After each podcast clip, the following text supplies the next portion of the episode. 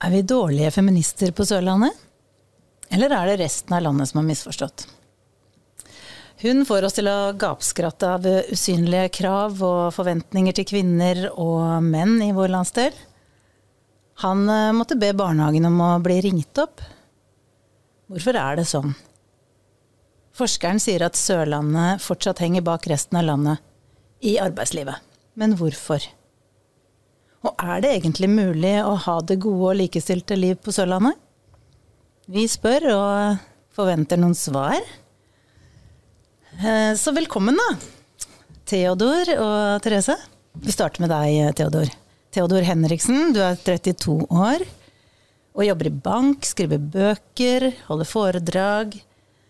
Men vi har invitert deg hit fordi du også har ytra deg i offentligheten som blogger, og den ble såpass eh, god at den ble henta inn av eh, flere riksmedier. Der du skriver om eh, hvordan det er å prøve å balansere jobb og papparollen. Mm. Og i høst så sa du unnskyld til kollegene dine. Den store dragkampen mellom det å være forelder og det å være arbeidstaker, det vet jeg, i hvert fall nå, at kan være krevende, skrev du. Mm i et innlegg på LinkedIn som ble likt over 6000 ganger, og da også henta inn i riksmedia. Mm. Så du hadde truffet en nerve. Mm. Eh, hva var det det handla om? Jeg tror nok mange kjenner seg igjen, og særlig når man er i den småbarnsfasen. Så tror jeg man, når man blir sett på en sånn måte, eller kjenner seg igjen, da, så tror jeg man eh, reagerer veldig impulsivt med å tenke at å, sånn har jeg også følt det. Um, og det var nok det som overraska meg litt også, særlig den overgangen fra det å ikke ha barn til å ha barn. Å jobbe med kollegaer som har hatt barn, når jeg selv ikke hadde barn. Og fant ut at eh, når jeg som ung og nyutdanna kunne sove fem timer om natta fordi det valgte jeg selv, sånn at jeg kunne gå tidlig på jobb og være lenge, være med på alt det sosiale på jobb, være med på faggrupper, eh, mm. gjøre alt, eh, alle de tingene jeg hadde lyst til og overskudd til og ville gjøre. Det ble snudd på hodet når man fikk barn, og ikke med et negativt fortegn, fordi hele verden ble annerledes. Mm. Min verden ble snudd på hodet, og for min del absolutt til det bedre. Det var som om jeg fikk et nytt nivå av uh, virkelighet, som var det å skulle ha ansvar for min egen familie, og kjenne det at her er det jeg som uh, bidrar til å, at disse barna vokser opp. Da. Hva var det egentlig du unnskyldte, da? Det var nok det at jeg ikke forsto. At jeg ikke eh, At Jeg følte kanskje ikke at jeg stilte så veldig høye krav til mine kollegaer eh, når jeg selv ikke hadde barn heller, men eh, at jeg tenkte litt sånn, kanskje i mitt stille sinn, at ja, men jeg sover jo også lite, men Det er jo Man, eh, kom, man kan, klarer å komme tidsnok på jobb, og man klarer å være aktivt til stede i møter og mm. de tingene der. Da. Så ser jeg det at eh, når man er våken eh, tre timer hver eneste natt mellom klokka to og klokka fem, og så er på en måte ikke overskuddet der etter fire år i den eh, situasjonen. Da. Og hvis du har en kollega som da er hjemme med sykt barn, så er det ikke sånn at du tenker ja, særlig. Mm, ja, ja. Tar seg en uh, hviledag. ja. Fort gjort at man kan tenke at å, ja, men da er en hjemme og har fri, men sånn er det jo ikke. Nei. Så det er, eh, det er store um, kontraster. Mm, mm. Ja, Therese Alseike, velkommen til deg også. Tusen takk. Eh, du skal straks få kommentere litt på det Theodor sa, men, men først, du er fra Arendal. Mm, alderen skal jeg kanskje ikke nevne på deg, eller? Jo, det er bare å kjøre på. Det Jeg ser jo så ung ut, så Du ser ung ut, da. Så du er også sånn 30 eh, Ja, jeg er 36 år. Ja. Og for mange så er du kjent som komikeren Mor Therese. Mm. Du er kåret til Sørlandets morsomste og har mange show utover våren. Eh, blant annet skal du faktisk stå på scenen i selveste hovedstaden, på Latter. Eh, men først står Drammen for tur, om bare to dager. Mm. Så du skal etterpå fordele litt om hva du skal vitse og gjøre narr av oss sørlendinger der, tenker jeg. Men, eh, men, nå har du hørt litt på Theodor her. Hva, hvilke tanker gjør du deg om det å være arbeidstaker med og uten barn? Um, det er jo to forskjellige verdener, jeg er helt enig med Theodor der. Mm. Uh, og det er jo den samvittigheten man går og gnager på mye, da, Uh, overfor kollegaer. Spesielt hvis du har sykt barn og må være hjemme, uh, så tenker jo du at de tenker at eh, Nei, hun bare skulker og holder seg på fri. Mm. Så det er jo litt den tankegangen, selvfølgelig. Eh, jeg føler nesten ikke jeg husker jobbhverdagen min uten barn, for jeg fikk barn da jeg var 23 år. Da fikk jeg mitt første. Mm. Eh, så så det, det livet der har nok ikke jeg hatt, på en måte, for jeg ble tidlig gift. Jeg er jo fra Sørlandet, så 19 15 år. Så, så jeg har egentlig ikke hatt det der livet livet uten barn og giftermål, kanskje. Så, men absolutt, det å være i jobb med barn, det er jo en helt annen, helt annen verden. Um, og selv om jeg elsker å le av deg når du shower på scenen eller uh, på små snutter på, på Instagram, så er du jo i bunn og grunn gründer og uh, småbarnsmamma. Og de siste årene har du bygget opp uh, din egen bedrift med en baby på armen. Hvilke, hvilke reaksjoner har du møtt? Jeg har egentlig møtt eh, mest fine reaksjoner faktisk på det. Jeg starta jo å skrive eget soloshow Mor Therese, som jeg nå er på tur- turné med. Det skrev, begynte jeg å skrive når jeg var i mammaperm. Eh, og det er jo ofte sånn med mødre at eh, når vi er i mammaperm, så finner vi, har vi litt roen til å tenke over hvem, hvem er jeg egentlig. Eh, og det fikk iallfall jeg. Eh, jeg har hatt drømmen om å stå på scenen og virkelig leve av drømmen min helt siden jeg var fem år gammel. Så nå ble det på en måte sånn et vendepunkt hvor jeg fikk tida til å gjøre det. Eh, og samtidig så hadde jo hele svangerskapet mitt vært veldig mørkt da jeg hadde en svangerskapsdepresjon. Så, så det ble litt sånn at ok, du, det kan ikke bli verre enn sånn du hadde det i de ni månedene, så bare kjør på.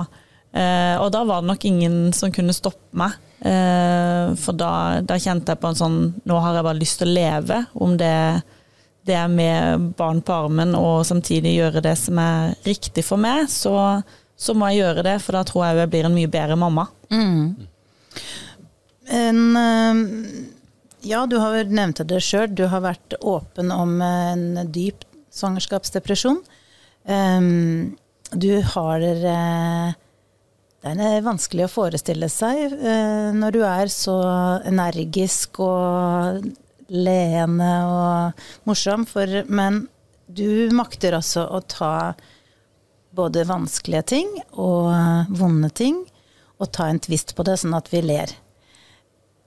Hvorfor bruker du humoren på den måten? Åh, det tror jeg bare er så ekstremt viktig, da. Å kunne snakke om tabubelagte ting. Eh, og vri det til noe gøy, for det er alltid noe humor i all, alt negativt og all depresjon. Så finner du alltid noe, noe gøy. Bare at du må kanskje komme ut av det først for å se at 'å herlig, gjorde jeg det'? Eller var det sånn det var? Eller eh, Altså, jeg kjøpte jo en Tesla eh, når jeg var når jeg var i den depresjonen, for da tenkte jeg den, den fortjener jeg nå. Ja. Eh, mannen min var på jobb i Nordsjøen, så da kjøpte jeg den. Eh, og det var jo bryllupsdagen tross alt, så da hadde jeg jo lov. Nei, det, altså, det er jo sånne ting, men samtidig er det det med å være åpen og ærlig om, eh, om eh, hvordan mammalivet egentlig er. Eh, hvordan svangerskapet kan være. Det er ikke alltid at det bare er positivt. Å vise den sida, for vi er ganske mange som har det kjipt eh, som gravid, men òg som mamma. Så, um, så det er ikke bare den der fasaden vi ser gjerne på sosiale medier. Det var kanskje det jeg ville skape en slags eh, kontrast på. At eh, det, det er noe helt annet enn det vi ser med fine, glansfulle bilder og, og hjertet fra magen. Det er, kan være ganske tøft for veldig mange, og det, det tror jeg er viktig å snakke mer høyt om. Da. Theodor, du ville si noe? Ja, jeg tenker, jeg kjenner jo veldig igjen det, det Therese sier også, og tenker at det er nok derfor også hva så mange liker det du gjør, fordi man kjenner seg sånn igjen. Og det fikk jeg også spørsmål om når jeg la ut disse innleggene på, på LinkedIn, som er en arbeidslivsplattform. Så hvorfor i alle dager kommer det der? Ikke sant? Men eh, mye av det er jo fordi vi er jo hele mennesker hele tiden. Så også den jeg er på jobb, er jo også den jeg er når jeg er hjemme, selv om man har ulike fasetter, på en måte. da. Så det, eh, det som skjer i livet ditt på hjemmebane, det påvirker jo også jobben du gjør, om det er å jobbe i bank eller om det er å stå på scenen. Mm. Absolutt. Jeg har en kollega som heter Marie Kalvagen. Hun har skrevet en kommentar som kan leses på Agderposten nå. Der skriver hun jo eh, at hun anser seg som en feminist med store bokstaver. Men eh, fortsatt så føler hun at det er eh, visse forventninger til dagens feminister som får henne til å ha dårlig samvittighet for å ønske å gå ned i stillingsprosent, f.eks. For, eksempel, for å være mer sammen med barna sine. Um, hvorfor er det sånn, tror dere? Jeg tror eh, det kommer an på hvem man har dårlig samvittighet overfor.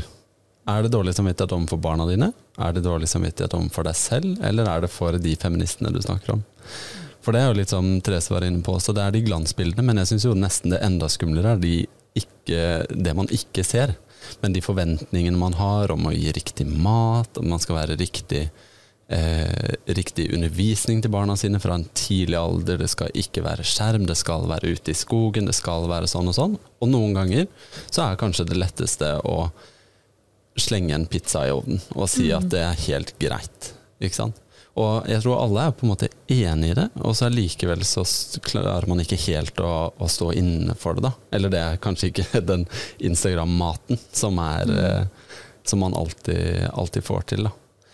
Um, jeg tror, bare for å spinne litt videre på det også, så tenker jeg at ja, det handler om hvem, hvem det er du har dårlig samvittighet overfor, men jeg tror også det handler For meg da, så er det blitt veldig viktig å se å være, det å være bevisst det valget du tar også. Fordi det å gå ned i stillingsprosent det kan ha mye større betydning enn bare det, eh, den tiden du får sammen med barna dine. Mm. Det betyr jo også at eh, man bidrar til statistikken for Agder som ikke er veldig positiv. Det betyr også at det kan være du kommer i et tilfelle hvor du ikke kan gå fra mannen din når du er 50, når han har vært utro, fordi du ikke har opptjent pensjon. Mm. Så det betyr at du kan ikke betale for huset du bor i, det betyr at du ikke kan gjøre sånn og sånn. Og det tror jeg det kan komme som et eh, stort sjokk på mange når det kommer, hvis det blir et tilfelle om 15 år. Da. Mm. Så det å gå ned i stillingsprosent for en kvinne, det kan slå tilbake som en bumerang negativt for henne 10-15 år down the road. Mm. Uh, ja. Men hvordan kan man, hvis et par mens de fortsatt er lykkelige sammen, eh, og ønsker å dele på arbeidsoppgavene, og er enige om at det, det er for hektisk, det er for uh, høy fart i hamsterhjulet hvis vi begge skal ha 100 jobb. Mm. Hvordan tenker dere at man kan organisere seg som familie, da, for at den ene skal kunne ha litt mer tid, litt roligere morgener, litt lengre ettermiddager? Jeg tror jo altså Det jeg får høre mye, er jo fra kvinnenes side. Og de går jo stort sett rundt med dårlig samvittighet døgnet rundt eh, fordi de ikke strekker til. Men samtidig så tror jeg det er jo noe med at ikke de slipper mannen helt til. Mm. Eh, de stiller ikke helt krava til at nå gjør du det, fordi nå trenger jeg å sette meg sjøl først.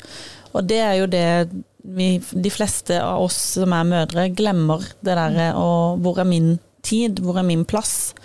Eh, vi setter barna først, og så setter vi mannen først, eller deretter. Og så er det hus, og det er hjem, og så er det oppvask, og så er det alt det som mm. hører med, og jobben. Og så kanskje en eller annen gang i løpet av uka, altså på nattestid når alle sover, da får du litt egentid. Mm. Eh, så, så, den der og, og heller faktisk tørre å si det at jeg trenger eh, min tid, fordi at da får du fylt opp det, det mm. energilageret som du igjen kan gi til ungene dine og mannen din. Og jeg tror det har veldig mye å si for å få et mer harmonisk hjem. Da. Mm. Eh, fordi mannen kan òg ekstremt mye. Eh, de kan òg levere i barnehagen, hente i barnehagen, alle disse tinga. Men, men, det er den samvittigheten som jeg tror mange kvinner eh, gjør at ikke vi slipper de til. Fordi vi føler nok at vi skal ha hovedansvaret fortsatt. Mm. Men hvis jeg pirker litt i den, og både på meg sjøl og deg som uh, kvinne.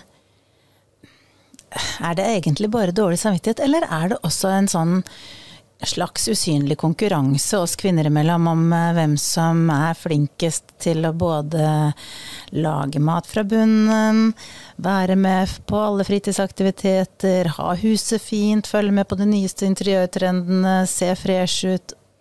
Altså, det er ganske mange ting på hverandre, og min påstand er at vi driver og konkurrerer litt også. At vi ikke har så lyst til å gi fra oss noen av de områdene til en mann.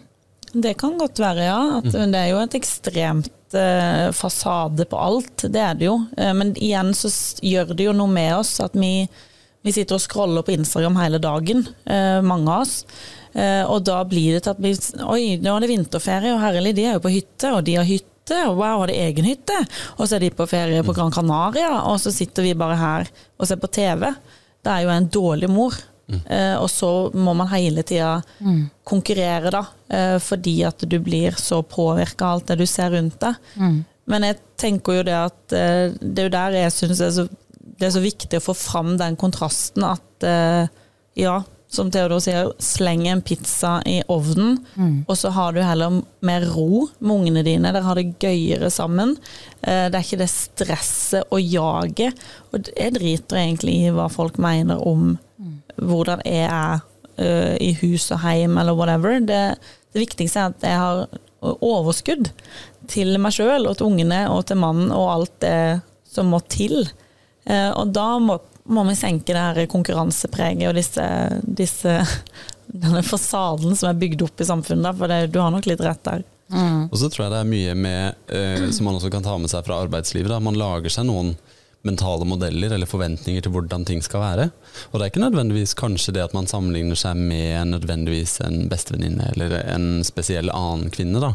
men at man eh, lager seg noen forventninger om hvordan ting skal være. Ikke sant? Og man får kanskje en sånn Ehm, det å tørre å gi slipp, og det å tørre å si at ja, men faktisk så tar det kanskje lengre tid, da. Og det var en i familien min som sa det at eh, det, jo, det er mye raskere hvis jeg bare gjør det sjøl. Ikke sant? Det, og da er det eh, Men da legger man seg jo også på en måte på en linje som sier at ja, men da skal du alltid yte det, da, fordi da er det effektivt. Fordi man ikke har tålmodighet til å la den eh, vasken stå en dag ekstra. Eller det å la den eh, eh, ungen trenger ny lue. Mm, Far går og kjøper en lue som kosta 300 kroner og var oransje i stedet for Ja, men det passer jo ikke med resten av Ikke sant? Så er det Man må gi, gi rommet da og si er, er det så farlig? Ja. Jeg tester litt hjemme, faktisk. Jeg har gjort det det siste året. Vært veldig bevisst på å bare la ting stå hjemme. Eh, ikke ta oppvasken, ikke brette tøyet. Alt det egentlig det klør. Det klør. Nei, det går det kjempegreit. Det For du kommer over en sånn humpel, Ja. og så går det veldig greit. Og så har jeg plutselig merka at mannen min sier sånn Det er så rotete her. Og da sier jeg ja, Ja. det er det. Og så gjør jeg ingenting med det, før han da skjønner at oi, det, det her er det som skjer når Therese ikke gjør ting. Så, så det der å faktisk bare slippe den kontrollen litt, det er egentlig litt spennende å se hva som skjer. Og så er det jo litt viktig at det er jo ikke, det er jo ikke kvinnens ansvar at mannen skal gjøre noe. Mannen må Nei. også ta det ansvaret sjøl. Og det er litt eh, jeg, har vært, eh, jeg har vokst opp med fire eldre søstre og en mor. Så der er vi på en måte Jeg hadde Faren min også var til stede, men han var mye ute og reiste og var eh, typ, kanskje et litt sånn typisk eh, eh, 1990-tallsforhold. da Far på jobb, mor mer tilgjengelig. Ikke sant? Men eh, eh, det har også gjort at eh, vi har med oss noen erfaringer som gjør at sånn Ja, vi eh, Altså det er helt naturlig å bidra på ting. Og når jeg var 14, så fikk jeg en oppgave av min mor som sa det at eh, du kan få en månedslønn, men hvis du ikke gjør de tingene, så blir du trukket til månedslønn i stedet. Som vaske bad og lage middag en dag i uka. Liksom, sånne vanlige 14 år gammel eh, 14-åring-ting. ikke sant? Men det å også bli liksom bevisst, bevisst det bidraget man har hjemme mm. fra tidlig alder, tror jeg er kjempenyttig. da. Og nå har jeg to små barn, og de er eh, eh, også sånn at eh, de allerede nå eh, hjelper å dekke på bordet, f.eks. Og den som er mest aktiv på det, er hun som fyller to år om noen uker. Så hun går og tar tallerkener som ikke kan knuse, f.eks., Ja. men eh, som hun setter på bordet. Da. Men uh, forskeren var så vidt inne på det i oppsparket til praten vår. Det, det uttrykket 'det tredje skiftet', eh, som jeg tror uh, veldig mange kvinner kjenner på, uten at vi snakker om akkurat det tredje skiftet, så handler jo det om at vi tradisjonelt har det vært sånn at kvinner tar ansvaret for at klesvask skal bli tatt, at den blir både sortert og hengt opp og rydda inn igjen i skapene. At det er en bursdagsgave når svigermor har bursdag. At det er eh, dopapir når den rullen er tom. Altså alle disse tingene. At det blir laga et julekort, at de sendes. ikke sant? Alle de derre usyn, litt usynlige familietingene mm. som, eh, som, mange kvinner fortsetter å gjøre automatisk fordi at vi er prega av vår mm. generasjon. Men som uh, kollega Marien påpeker i den kommentaren sin, eh, hvorfor er ikke arbeidslivet rigga sånn at vi kan håndtere dette her i takt med at vi har gått fra å være hjemmearbeidende til å bli fulltidsarbeidende? Kanskje jeg skal spørre dere, er det arbeidslivets ansvar å endre seg for oss, eller er det vi som uh, selvstendige individer feminister, par, som skal eh, bevisstgjøre oss. Mm. Hva tenker dere? Jeg tror nok det er en kombinasjon der. Eh, men så er det jo noe med at, eh, som du viste statistikken i stad, at eh, kvinner ligger ganske lavt eh, i forhold til fulltidsstilling i Agder. Og det er nok mye med at vi er no, her på Sørlandet, vi kanskje vi gifter oss tidligere, vi får barn tidligere. Men med mitt første barn så var jeg hjemme i to og et halvt år. Mm. For det var det jeg, jeg var jo vant med det, ikke sant. Fra, det var jo min mor. Og jeg tenkte at da må jo gjøre det, men det er jo ikke sånn det er lenger. For du skal jo være i 100% jobb. Men jeg tror ikke strukturene i samfunnet er helt fiksa der enda. Eh, vi på en måte har fortsatt høstferier og vinterferier i skolen, og det er liksom en kabal som skal gå opp hele tida. Mm. Det er mange jeg kjenner som ikke har sommerferie sammen, fordi at de må, de må på en måte Du må ta de første ukene, og så må jeg ta de neste ukene med ungene. Så det er jo mange sånne småting som egentlig blir ganske store. Absolutt. Vi ser jo det at eh, samfunnet er jo ikke rigga for at to foreldre skal være i full jobb. Og det skaper jo også et problem hvis man da blir aleneforelder, da. Mm så er det, da står du der med fem uker ferie vanligvis og skal eh, håndtere vinterferie, påskeferie, høstferie, eh, sommerferie, juleferie. Da må du ta ubetalt, og da går du også ned i lønn. sant?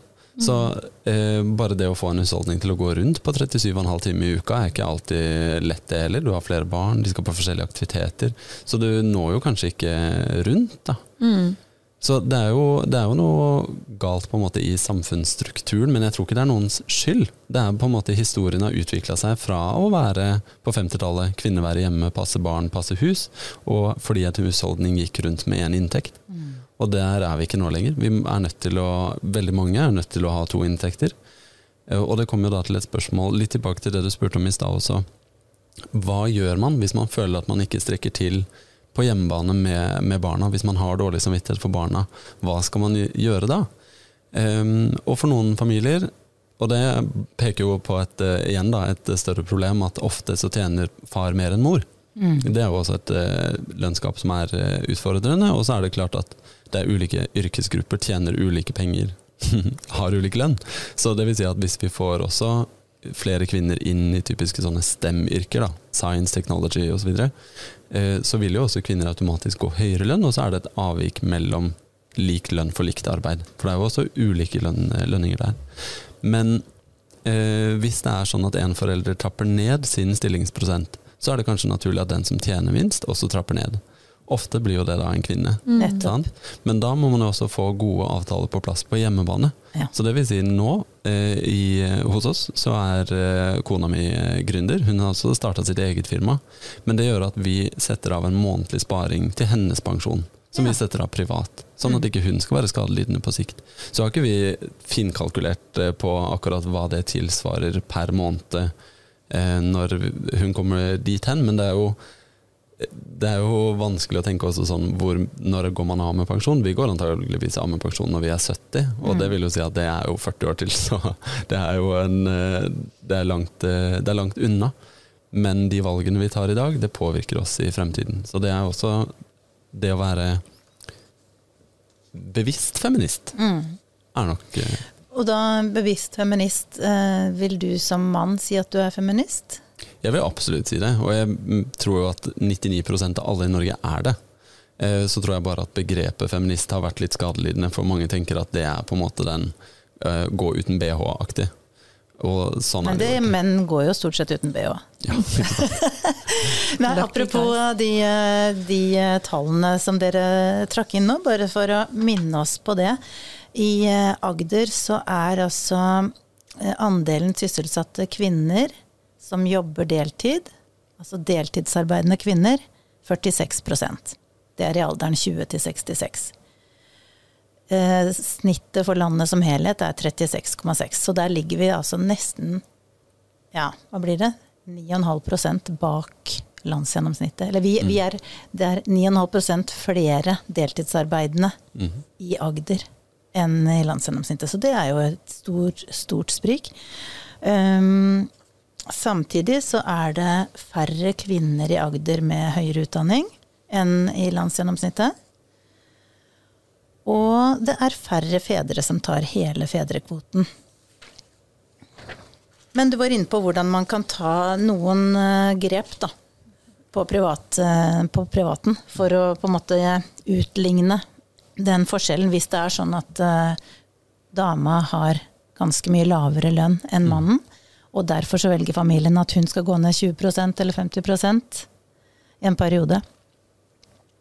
Um, Men jeg tror òg at det er ikke bare det som gjør at mange kvinner ikke jobber 100 Men det er jo veldig mange ting som vi glemmer å snakke om som er relatert til kvinnehelse.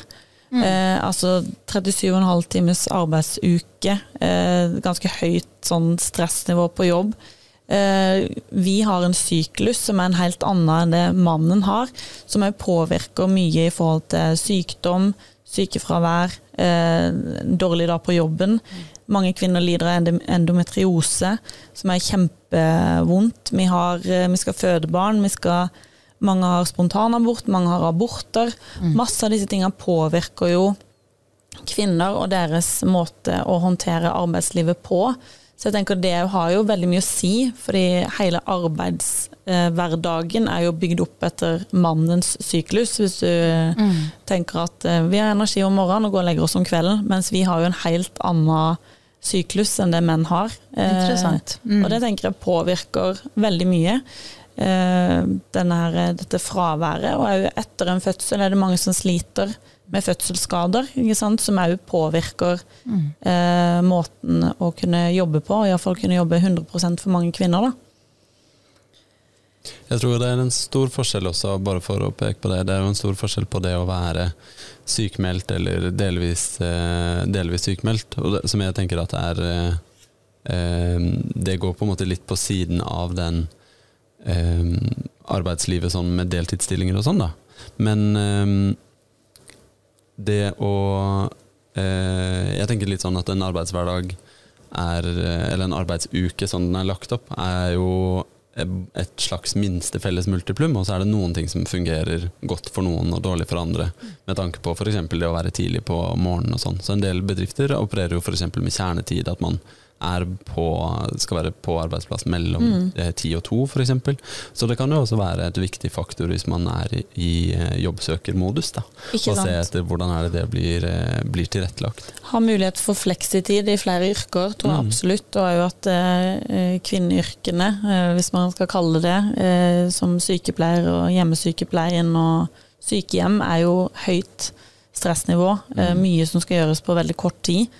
Eh, du har gjerne ikke tida, og så skal du hjem og organisere heimen og middag og alt mulig. Eh, og da er det jo klart at da, da vil det jo påvirke eh, måten man er på, og, og måten familielivet rigges på, er jo ikke minst at det blir mindre tid til deg. Eh, For du har ikke overskudd til noen ting, og samvittigheten gnager. Så det er jo på en måte en sånn en ond sirkel som, eh, som holder på, da. Og så er det den utgangspunktet som vi starta med. Har vi på Sørlandet skjønt noe er det resten av Norge som ikke har skjønt det, men vi har funnet ut at det får nå bare være. At vi blir sett på som litt mer gammeldagse her, og at det er flere kvinner eh, her som jobber deltid sammenligna med andre steder i landet. Ja, fordi at vi har det gode livet. Og det er sånn vi Altså, er det Kan det være at kvinner som tar det valget her på Sørlandet, faktisk ønsker å ha det sånn, at de ikke føler seg pressa til det, men at det er resten av landet som løper for fort og skal være for flinke og bidra som skattytere på 100 det, Hva tør man å si nå? Nei, jeg tror det kommer tilbake til eh, det å være bevisst i sine valg, i hvert fall. Mm. Hvis det er sånn at hele venninnegjengen gjør det, så er det ikke sånn at du må gjøre det samme. ikke sant? Og det er også sånn hvis du har eh, venninner, venner, hva som helst som er i fulltidsjobb, men akkurat nå så trenger du å trappe ned, så tenker jeg at sånn ja, da er det kanskje riktig der og da, men vær bevisst på hvilke konsekvenser det får for din egen fremtid. Mm. Um, uavhengig om du er mann eller kvinne. Sant? Så det å, kanskje det er eh, nyttig for en familie å sammen kunne gå ned i stillingsprosent. Kanskje man har fri hver fredag for å ha liksom, en ekstra lang helg sammen, altså gjøre sånne type ting. Men det gjør jo også at begge to vil jo da få en redusert pensjon, f.eks. Eh, og man tenker kanskje sånn på inntekten at ja, ok, inntekten det klarer vi å håndtere. Mm. Lån, utgifter som, eh, som, kommer, og det er for så vidt eh, greit nok. Men det er veldig trist å se de eh, begrensningene man får når man tar det valget litt ubevisst. Mm. Jeg er jo sånn som tenker at det er ikke sikkert jeg blir pensjonist, så hvorfor ikke leve mens jeg kan? Mm. Eh, bare kjøpe den Teslaen akkurat den dagen du har lyst. Den har jeg solgt igjen, da, bare for å ha sagt det. Den var altfor lav. jeg ble så tung i svangerskapet, så jeg bare subba nedi. Men, eh, men, det derre og eh, Veldig mange tenker jo Nå jobber jo du i bank, så jeg skjønner at du tenker veldig mye sånn. Jeg er veldig sånn leve i nuet. Det ordner seg. Eh, det viktigste er å ha en god mental helse og være glad. Mm. Om det da betyr at du må gå litt nær i stillingsprosent, eller om, eh, om altså Veldig mange kvinner får barn fordi det er de sitt største drøm, det er de mm. sitt største ønske i livet. Så da å hele tida gå på kompromiss med det der at du ikke har tid til barna dine, er nok òg for veldig mange kvinner veldig vondt. Så hvis du da òg tar, som du sier, det bevisste valget på at jeg jobber 80 mm. for å ha nok overskudd til, til barna, mm. som er egentlig det viktigste i livet, så er det, tenker jeg, det må folk få lov å bestemme sjøl. Og andre har lyst til å være på jobb hele tida vekke fra ungene sine, og det må jo være greit. ja, men vi, vi, blir jo egentlig hjernevaska av staten Norge til at vi skal være 100% arbeidstakere, fordi at det betyr jo eh, skatteinngang som er kjempeviktig for mm. staten. Eh, jeg hørte en gang at eh, den skatteinngangen som kvinnelige arbeidstakere representerer, den er eh, ja, nå har jo oljeprisen økt veldig, da, men den var like viktig som oljeinntektene. Mm. Altså vi, eh, vi, eh, representerer en stor andel av den skatten som vi sitter med og skal igjen bruke på alle mulige velferdstiltak. Sånn at det, mm. vi blir oppdratt til at vi skal uh, gå ut i arbeidslivet og bare være, hoppe ut av arbeidslivet en kortere periode mens vi produserer nye skattytere. Mm. og så skal vi fortest mulig igjen inn i, inn i uh, fulltidsarbeid, ikke sant. Så på den Da jeg var uh, liten, på 70-tallet, så var jo min mamma tilhørte 20% av kvinner som jobba. Mm. Nå, 50 år etterpå, så er det snudd på hodet. Nå er det bare 20 som, av kvinnene som ikke jobber. Mm. mm. Og det tenker jeg at da har veldig mye gått riktig vei. Samtidig så er det både usynlige strukturer og reguleringer i arbeidslivet, faktiske reguleringer, som ikke helt harmonerer med den utviklingen vi har hatt, da. Mm. Henger dere med? Så, så det ene vi kan gjøre noe med, det er jo å være selvfølgelig um, kreve vår rett eller be om å få tilrettelegging i arbeidslivet. Mm. Men det andre, som er de usynlige strukturene, som også forskeren snakka litt om, eh, det må vi rett og slett få på bordet, da. Mm. Jo.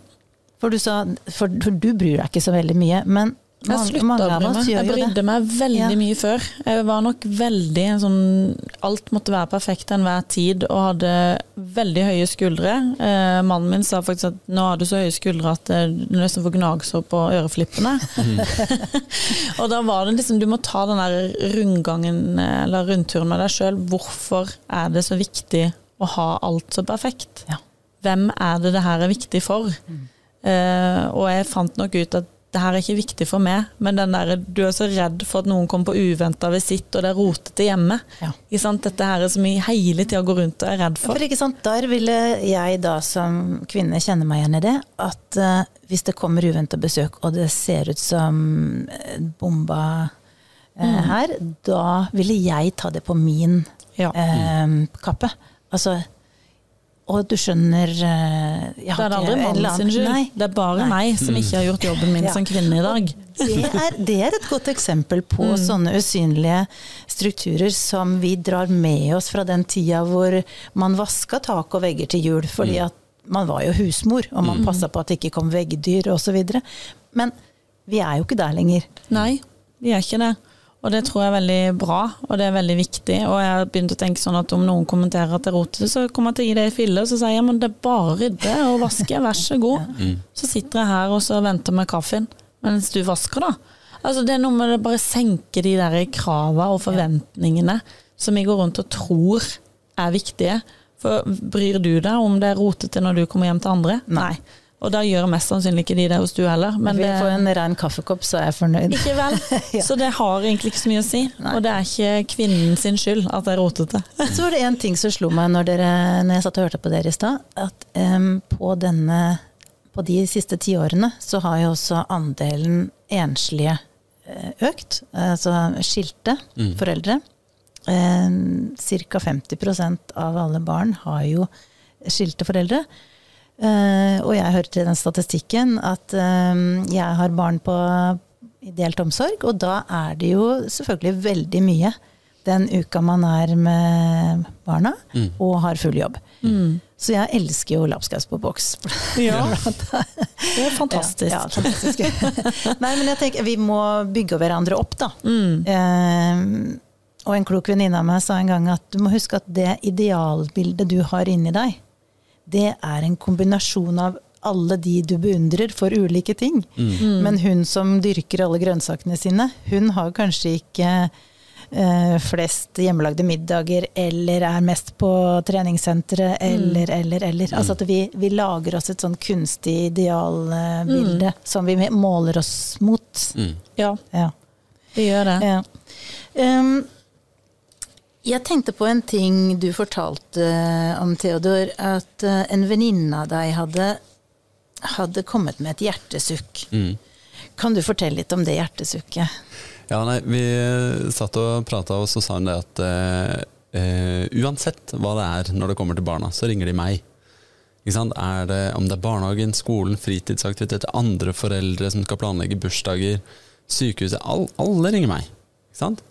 Eh, og, så det her er det jo også en, em, en utfordring med det at sånn far eh, kanskje i større eller mindre grad automatisk ikke blir ringt. da.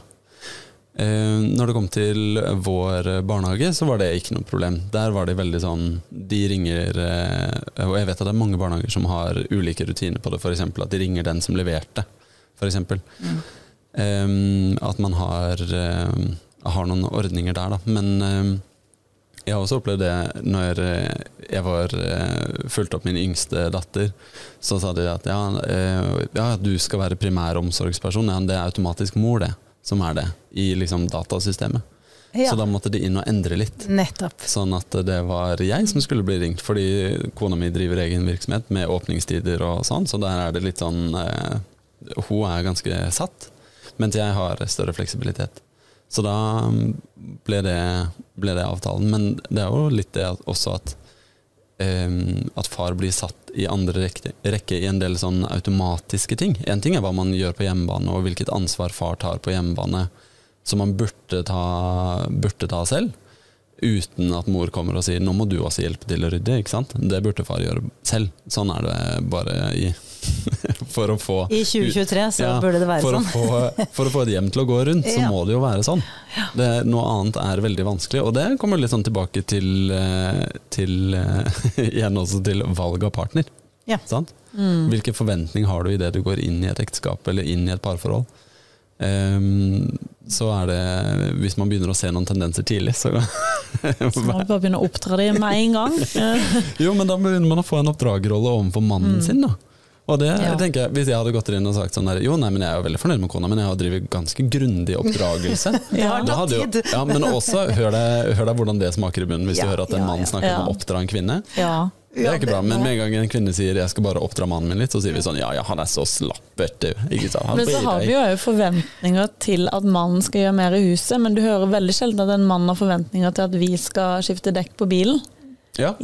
Ja, så det er det jo er faktisk noe der vi på en måte har et krav til menn, men, de, men allikevel så er Men det fordelt her er det jo eh, også noen en måte kjønnsroller der. Absolutt, og her kan man jo også si det at sånn, ok, man har noen kjønnsroller man kanskje fortsatt følger, men summen av det blir at i hvert fall arbeidsmengden er lik. Mm. Men, men det å bytte dekk en gang i året, altså Det er litt mindre enn å Det er litt annerledes Det har en enn å skulle vaske kjøkkenet hver dag. Ikke sant? Det, så det, det henger liksom ikke på greip. Og der, eh, når det kommer til vår bil, så er det jo sånn at altså, vi eh, jeg bytter ikke dekk på bilen, det gjør dekkhotellet. Så Ja, det, om det er jeg eller Noen kona som kjører den. seg Men Therese, du har jo eh, veldig mange hylende morsomme snutter på Instagram, hvor jeg kjenner at her eh, Det var identifisering, ja. Ja, tusen takk. Ja, Og det at vi ler av det, er jo for også fordi at du egentlig vrir på ting som man kanskje går og er innmari irritert over og Mm. frustrert over.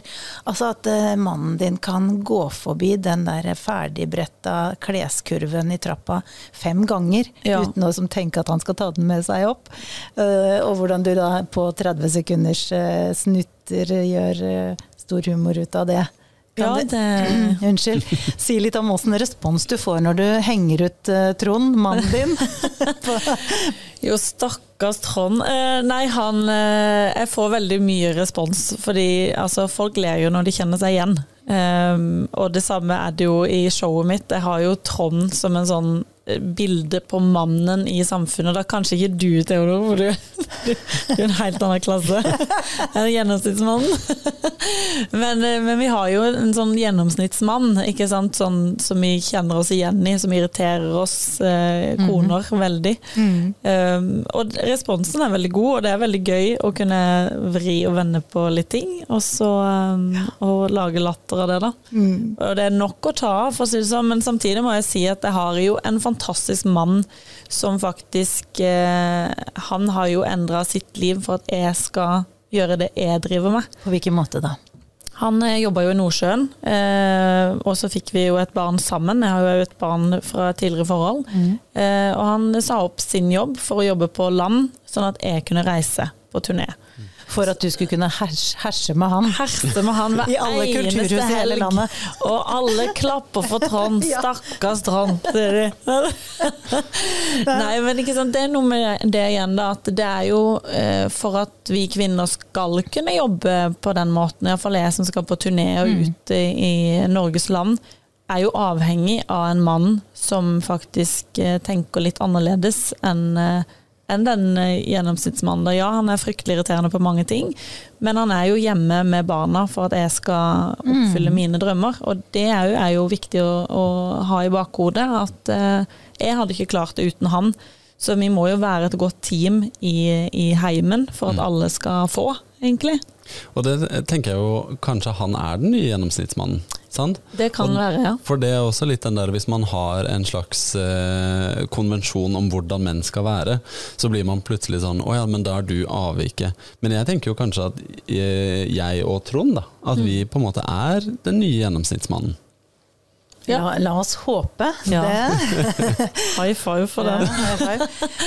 altså, øh, hvis dere skal øh, gi et råd til øh, 14 år gamle gutter der ute, da. Når det gjelder øh, å oppføre seg som en god feminist og, og få den beste dama. Hva vil du si da? Det er vanskelig. Jeg syns jo eh, Jeg har to, jente, to jenter, og jeg tenker at det hadde vært mye vanskelig å oppdra en gutt. Ja. For, nettopp fordi det er litt den derre Ja, eh, for nå kan jeg på en måte oppdra jentene mine til å si hvordan de bør forventes å bli behandla. Sant? Men det er vanskeligere å, å Eller jeg tenker sånn Det er en utfordring å si hvordan, eh, hvordan skal du gå fram for å behandle andre, men det, det gjelder jo alle, alle barn, selvfølgelig. Jeg tror det viktigste egentlig å være det forbildet. Eh, fordi at eh, jentene dine da kommer mm. til å velge en mann som eh, de på en måte de speiler deg litt i. Mm. Så hvis du behandler eh, kona di på en veldig bra måte, gir henne masse kjærlighet og viser hvordan det skal være i huset, så vil de òg på en måte finne den mannen som, som ligner på pappa. Mm. Så det å være den pappaen, da, eh, tror jeg er noe av det viktigste. Fordi at vi, vi, vi speiler oss veldig i våre, våre foreldre. Mm. Eh, Jeg tror kanskje et litt sånn viktig spørsmål å stille seg underveis i livet er hvilke forventninger har du? Uansett om det er forventninger til deg selv eller forventninger til andre. Forventer jeg at min kjæreste skal vaske klærne mine, rydde vekk klærne mine, lage middag til meg? Forventer jeg de tingene? Så begynner kanskje den polen av, eh, av potensielle kandidater å bli ganske liten. Da. Eh, Men forventer jeg at eh, jeg skal kunne bidra At hun skal kunne bidra til at jeg kan leve mitt liv. Hvis jeg hadde lyst til å begynne med standup, forventer jeg at jeg kan kunne gi eh, dette og dette for at hun skal få leve ut sin drøm, for å kunne ha sin inntekt, for å kunne bygge sin egen virksomhet. Så det, det går tilbake til forventninger og en sånn, når man er i et forhold så det med kontinuerlig kommunikasjon. Da, for jeg tenker jo sånn som med deg og Trond, så er jo den kommunikasjonen dere har når du lager humor på det, så vil jo det også si at dere har antageligvis prata om det i forkant. Ikke sant? Eller at dere har en viss sånn ja, eller at jeg bare snikfilmer. snikfilmer. Jo, men da har dere en kommunikasjon dere imellom som gjør at det er en aksept for at du gjør de tingene, og tar på en måte den humoristiske vrien på det. For jeg tror det som ødelegger for mange, er at man går i de banene og lager mentale bilder over hvordan ting skal være, og så deler ikke partneren det bildet. Og der er du inne på et uh, nøkkelord, tror jeg. Sånn forventningsavklaring. For én ting er å ta den praten med seg sjøl. Hva forventer jeg av han og av meg sjøl? Men uh, vi er jo ikke tankelesere. Selv om, ik- selv om vi bor under samme tak, så får man ikke den magiske evnen, altså. Nei. Og det tror jeg er også et eh, For å spille videre på den, da. Eh, en ting er at eh, ja, vi er ikke tankelesere og vi klarer ikke å lese det, men vi vil så gjerne at Ja. de andre skal kunne lese. Ikke sant? Forstår ikke hun at jeg har dette behovet nå? Forstår ikke han at den kurven står der? Kan han ikke bare ta den meg? av? Ikke sant? Ja. Nettopp. Det er da Eh, krangelen oppstår, og det å kunne lære seg det å si at Mm. dette her trenger jeg, dette her vil jeg ha, dette her vil jeg ikke ha. Jeg husker når jeg var 14 år, så sa jeg, at, så sa jeg til mamma når jeg eh, finner min mann, så skal han kunne støvsuge i huset. For det var jo Min pappa gjorde jo ikke det. Nei, nei, nettopp. Så det å ha noen sånne små ting som man ser allerede der ikke sant? At ja, men jeg, jeg trenger en mann som kan gjøre rent i huset. Ok, da blir det et kriterium, og det blir òg en forventning. Mm. Så, og det er kommer jo liksom litt fort frem når man eh, dater, da. Og, og kartlegger litt åssen er dette mennesket. Det holder ikke å kunne hogge ved lenger. Man må også kunne støvsuge. Nei, altså, det, nå har vi jo så mye, ikke sant. Robotgressklipper og støvsuger og snøfreser. Og vi trenger egentlig ikke menn lenger. Vi trenger bare den der lille, lille frø for å lage barn, er det ikke sånn nå? Jo, men da, Hvis man reduserer menn til å være de som kan måke snø og hogge ved, da, så har man jo plutselig ingenting. Da behøver man jo ikke mennesker lenger i det hele tatt. Nei. Så det er jo, jeg vil jo også tenke det at sånn, ja, det å finne en partner som kan støvsuge huset, det også høres jo feil ut hvis jeg ser jeg skal ha meg en kone og hun må kunne støvsuge. Ja. Det høres litt sånn Ja. ja. kardemommebyaktig ut. Men hvis jeg sier til en potensiell partner eh, jeg vil at vi skal ha et rent hus sammen, og inkluderer seg selv i ligningen da, på hvilke forventninger jeg har. Ikke sant? Eh, Jeg har et ønske om eh, at vi kommer oss fra døra til bilen når det er skikkelig snøstorm. Og så kan man innrømme jeg syns ikke det er så veldig gøy å måke snø. Men jeg vet jo kona mi klarer å måke snø, hun òg. Ja. Ikke Det er veldig, det veldig sånn parterapi. Ja, ja, det ble veldig, nå, altså. Altså, hvis vi skal gå inn for landing nå, så skal vi trekke oss litt tilbake til arbeidslivet. Men som dere har vært inne på flere ganger, hvordan vi har det på hjemmefronten, hvordan vi organiserer oss der, det får også ringvirkninger som eh, handler om arbeidslivet. Og om det betyr at man kjenner at man bør gå ned i stilling en periode, eller om det betyr at man kjenner at man faktisk gjerne kan ha 100% stilling. Det handler ganske mye om hvordan man har organisert mm. resten av livet sitt òg, da. Absolutt. Så derfor så er ikke denne parterapien helt, eh, helt eh, relevant. Men eh, vi, vi skal dra oss inn eh, til slutt nå. eh, Hvis vi oppsummerer litt, da. Eh, Tydelighet og, og forventningsavklaring eh, på hjemmebane. Eh, Det må vi kanskje også ta med oss inn i arbeidslivet. Altså at vi heller ikke kan forvente at sjefen vår kan lese tanker og behov. Eh, En, eh, en refleksjon fra hver av dere til slutt om hvordan man kan ta opp dette med sjefen sin, hvis man ikke er så heldig å være enkeltpersonforetak som deg, da. Du tar det opp med deg sjøl. ja.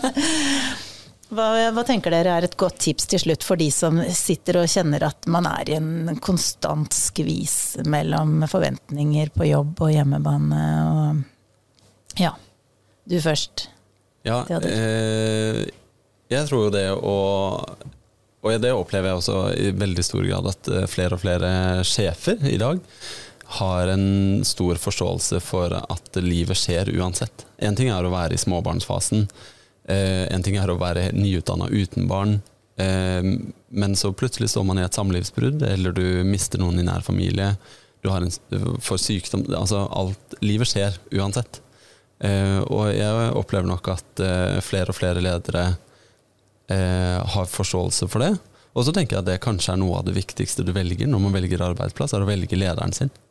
Å velge, det er jo liksom populært eh, sagt at folk velger ikke arbeidsplass, de velger leder. Eller hvis de går fra en arbeidsplass, så går de ikke fra arbeidsplassen, men de går fra lederen sin.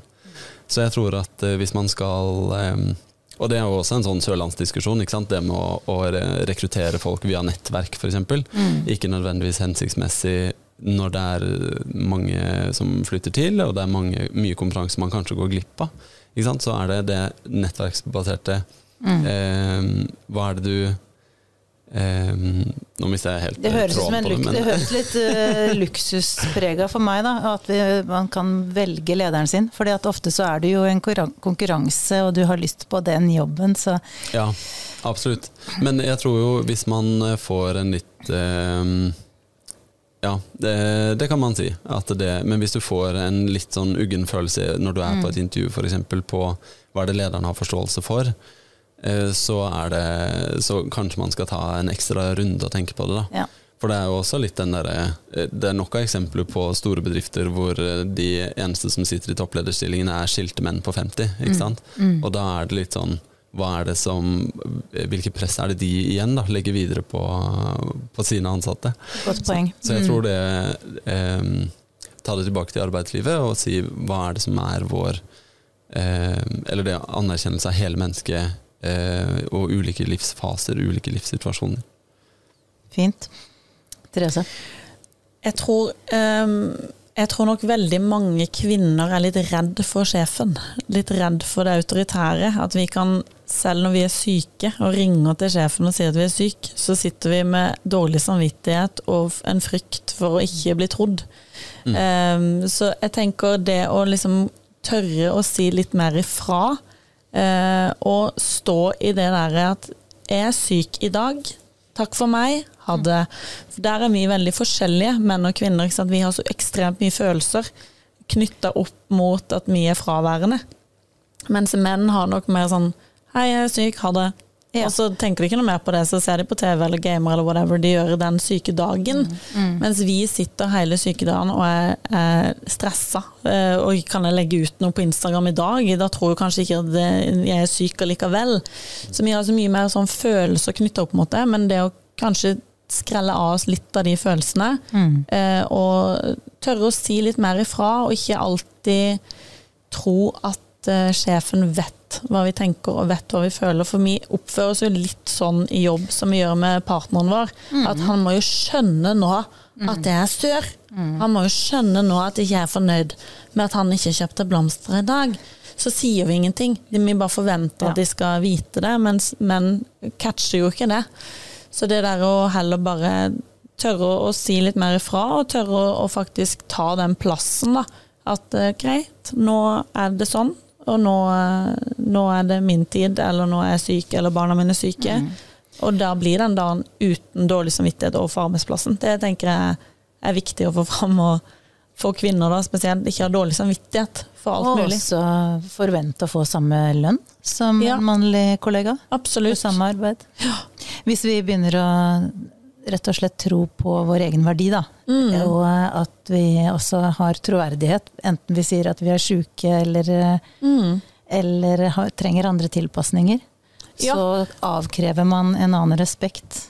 Og da må de òg endre noe, fordi Mm. at de vet ikke hvis ikke vi sier det. Så da Oi, er det sånn det er å være kvinne? Oi, er det sånn det er å være, ha den syklusen? Er det sånn det er? Ok, men kanskje vi må tenke litt annerledes på arbeidsplassen, da, og at lederen kanskje må sette inn noen nye tiltak. Fortsett å tøyse og tulle med alvorlige ting, sånn at vi kan le og samtidig få innsikt i oss sjøl og omverdenen, Therese. Ja. Og Theodor, fortsett å blogge og minne oss og andre småbarnspappaer om hvordan et eh, likestilt og godt balansert liv kan være. Er det sånn at vi kan eh, slutte på den eh, noten der?